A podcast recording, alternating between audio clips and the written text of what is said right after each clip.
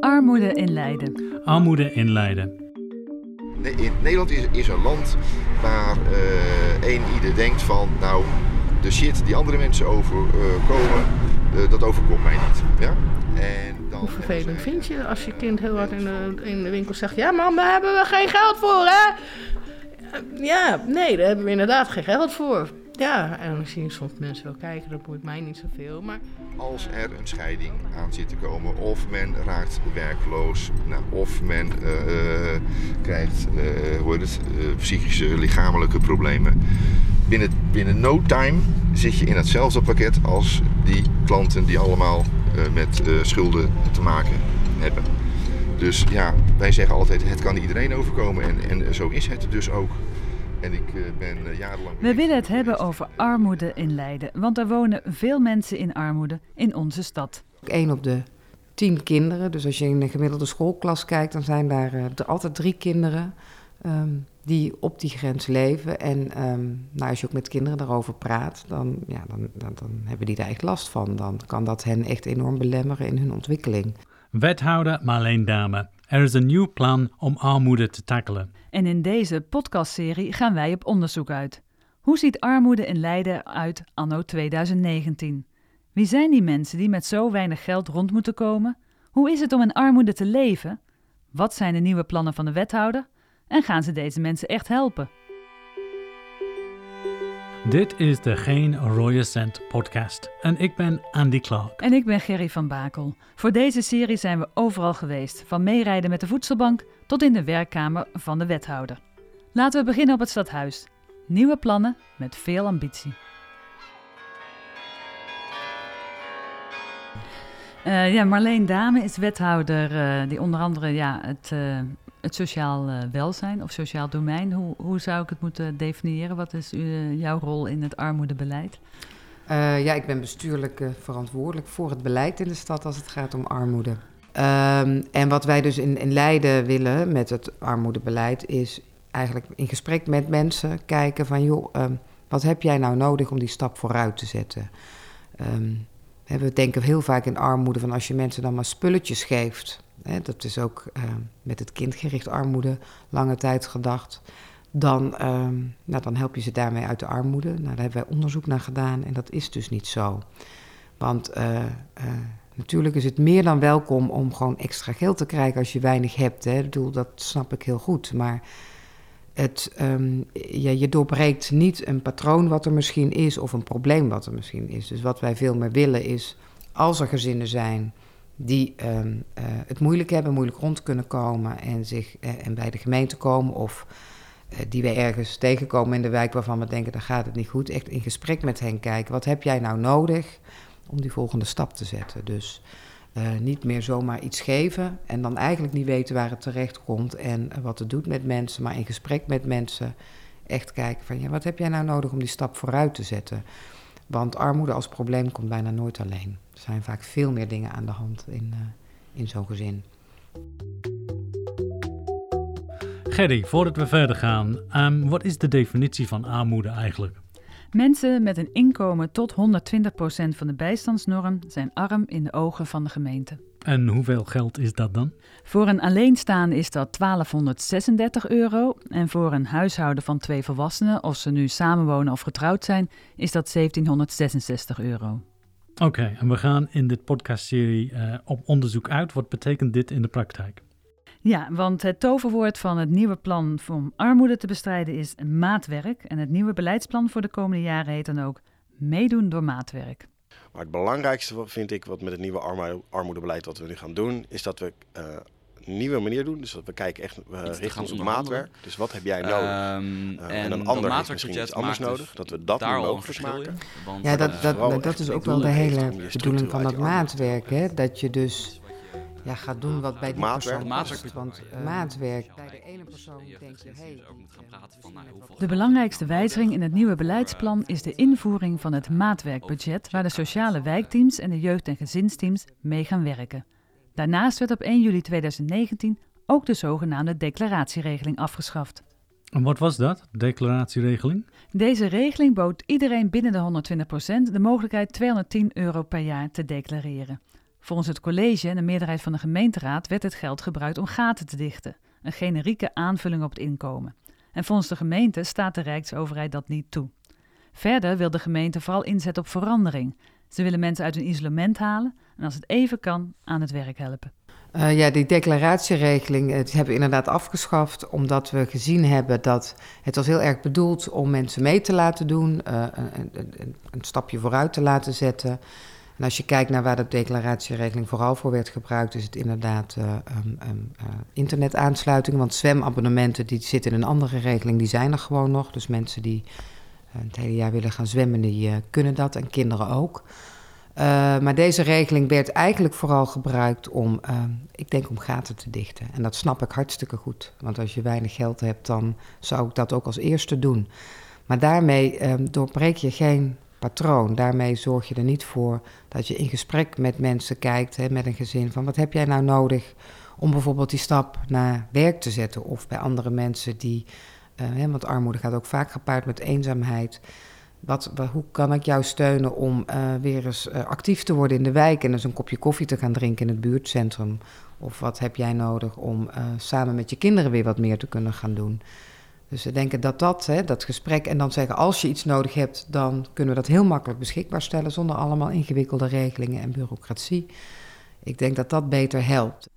D66-raadslid Lodi van Brussel steunt het nieuwe beleid van de coalitie, waar zijn partij ook toe behoort als we investeren in die groep van mensen die al heel lang langs de kant staan, uh, niet onderdeel zijn van deze samenleving, en we helpen hun om weer actief te worden in de maatschappij, dan is ook aangetoond dat de zorgkosten omlaag gaan. Maar als ze aan een baan komen, dan kunnen ze zich in hunzelf voorzien. Dus besparen we op de lange termijn ook weer op die uitkering. Dus ik, ik ben er heilig van overtuigd dat als we een manier hebben uh, gevonden, en we hopen dat we die nu gevonden hebben, dat we mensen structureel kunnen helpen, dan verdient zichzelf dat terug. Um, en uiteindelijk gaat het om dat je die, die levens van mensen verandert. Hoeveel mensen in Leiden leven in armoede, Gerry? Bijna 16% van de inwoners van Leiden leven onder die norm van 120%. En er worden de studenten niet meegeteld. 16%, dat klinkt veel. Maar waar staat Leiden um, als je dat vergelijkt met uh, de rest van het land? En daarmee zit Leiden net boven het landelijk gemiddelde, maar vergeleken met de grote steden is het nagenoeg hetzelfde. De gemeente heeft het over 6200 huishoudens en van deze groep zitten rond de 3400 huishoudens al vier jaar of langer in armoede. Het nieuwe plan draait dus om maatwerk, weg van algemene regelingen voor iedereen en op naar een specifieke aanpak. Klopt dat? Ja, Andy, dat klopt. Dat is wat wethouder Dame wil. Dus volgens mij moeten we heel anders leren denken. Niet meer van jij hebt recht op iets. De vraag moet iedere keer zijn: wat heb jij nodig om weer een stap verder te kunnen zetten in je leven? En de een heeft nu eenmaal meer nodig dan de ander. Um, en als je dat uit kan leggen, en ik denk dat sociaal werkers in dat gesprek um, ja, heel goed die afweging kunnen gaan maken, dan, uh, dan mag je dat geld daarvoor uitgeven. Dus het gaat iedere keer om um, wat heeft iemand nodig en kan ik het uitleggen. Staat er keurig netjes wel op. En alle pakketten zijn dus hetzelfde. En op de locatie, als we bij de mensen... Wat zit er wel in? De, nou ja, goed, kijk, je kan het zien. Er zitten doppertjes in. Uh, boter, courgette, koekjes, kaas, uh, blikken met boontjes. Dit is uh, Hans Reinders. Hij is klantencoördinator van de Voedselbank in Leiden. Wij gingen een dagje met hem mee. Dan zeggen mensen dan, bestaat armoede? Dan denk ik, ja maar heb je je zonnebril dan continu op? Lees je geen kranten? Hoor je niks? Zie je niks? Maar het is, ja. Mensen hebben zo hun eigen uh, sociale omgeving. En dat is op zich ook heel logisch. Maar een, een, uh, een, hui, nou, een, een uh, fysiotherapeut, laat ik het zo zeggen. Die zal niet gauw een vriend hebben die in de armoede zit of die allerlei ellende over zich heen heeft gekregen. Snap je? Het zijn zo van die, van die sociale, sociale blokken, noem ik het maar. En ik denk dat dat een beetje uh, toch het, het euvel is. We zullen later in deze podcastserie nog wat meer uh, van Hans laten horen. Maar hij stipt hier wel iets heel belangrijks aan. Armoede als een stil probleem. Iets waar mensen liever niet over praten, waar ze zich eigenlijk een beetje voor schamen. En hoe zit het eh, met de wethouder? Kent zij persoonlijk mensen die in armoede leven? Uh, een aantal. Uh, en ik, ja, en, en het, is, wel grappig, want de, het zijn uh, zeg maar mensen die ik nog ken nou vanuit zelfs mijn studietijd hier. En die allebei een uitkering hebben. En de een is heel goed in staat daarmee rond te komen. Die kan dat uitstekend. Die houdt er misschien zelfs aan over. En de ander is ook uh, alleenstaand met kind. Heeft daar heel veel moeite mee. Ja, ja. Dus dat uh, ook schulden gehad. Dus ik heb wel uh, gezien wat dat dan doet. Maar dan zie je dus ook dat um, wat voor de een weinig geld is, voor de ander ruim voldoende is. Ja, het, dus ik vind het dan heel moeilijk om te oordelen. Um, ja, voor, voor iemand. Het, het, hangt echt heel erg af van de context en ook ja, van de verwachtingen van iemand. Dus met verbazing kan ik ook naar die ene persoon kijken en denken, ja, weet je, het, uh, toen, toen, toen die van WW naar bijstand ging, zei hij, nou dan gaat de auto de deur uit, mijn motor de deur uit. En uh, nou, een soort van uh, berusting dat dit het dan was. En, daar, en dat, dat, doet, dat kan niet iedereen. Ja, dus het is heel wisselend. Even terug naar het geld aan de afschaffing van de declaratieregeling. Die werd enorm veel gebruikt. Ja, zeker, want iedereen die in armoede leefde, dus die onder die 120% van het sociaal minimum zat, had er recht op. 210 euro per jaar erbij is best veel geld als je weinig te besteden hebt. Dus er moeten ook wel tegenstanders zijn van deze switch, toch? Uh, Thomas van Halm, ik ben uh, gemeenteraadslid van de SP hier in Leiden. Uh, allereerst vonden wij het heel irritant en vervelend dat er constant omheen werd gepraat dat het eigenlijk een bezuiniging was. Want dat is wel waar het op neerkwam. Uh, er, er, komt een nieuw armoedebeleid, maar vooral het minimabeleid wordt in nou ja, zoverre aangepast dat eigenlijk de, de declaratieregeling komt te vervallen. Uh, eh, 1,7 miljoen euro is daarmee gemoeid. En dat wordt vervangen door een maatwerkbudget van 600.000 euro. Dus in principe gaat er 1,1 miljoen vanaf. Maar de argumentatie van uh, het college was um, dat dat sowieso al geen structurele uitgaven waren. Dat was allemaal incidenteel uh, geld. Maar toen hebben wij beargumenteerd dat er wel gebruik van werd gemaakt en dat het geld dus gewoon nodig was. Het is een kleiner budget, dus er gaan mensen buiten de boot vallen. Um, sterker nog, um, er worden nu, of er werden met het declaratiebudget 6200 huishoudens geholpen. Of tenminste, dat was potentie. 4600 werden echt bereikt. Um, en nu zijn dat er naar schatting 500. Misschien worden dat er meer. Maar goed, dat is een gigantisch verschil. Dat is echt een gigantisch verschil. En misschien worden sommige mensen iets beter geholpen. Maar gigantisch veel mensen worden niet geholpen. Ja, Van Halm zegt: maatwerk klinkt leuk, maar het wordt een soort van onderhandeling en is geen recht meer. Verder maakt hij zich ook zorgen over de privacy van mensen en is hij bezorgd over de werkdrukte bij de sociale wijkteams die dit nieuwe beleid moeten gaan uitvoeren. En de wethouder geeft zelf ook toe dat de gemeente de komende jaren minder geld heeft. Uh, nou, we hebben de afgelopen drie jaar veel meer uitgegeven dan wat we begroot hadden en ook kregen. En wij, wij zijn als gemeente echt wel, uh, we geven fors geld uit, ook uit eigen middelen aan minimabeleid, omdat we het belangrijk vinden om mensen uh, bij te staan. maar die, die, die overschotten, die, of, of zeg maar die, dat teveel wat we uitgeven, dat moet wel teruggedrongen worden. Dus en dat was een bedrag van uh, anderhalf miljoen, was dat opgelopen de afgelopen jaren. Dus het is uh, uh, een, een, tekort terugdringen, maar we willen er wel minder aan uitgeven, ja. Het nieuwe plan wordt dus uitgerold tegen een achtergrond van druk op de begroting. Ja, dat is een enorme uitdaging. Maar voorstander van het nieuwe beleid, D66-raadslid Lodi van Brussel, zegt dat de oude aanpak sowieso niet werkte. Ja, elke verandering is spannend en vervelend. Want je, uh, je baseert je op van, joh, ik mag hier gebruik op maken en dit is mijn recht.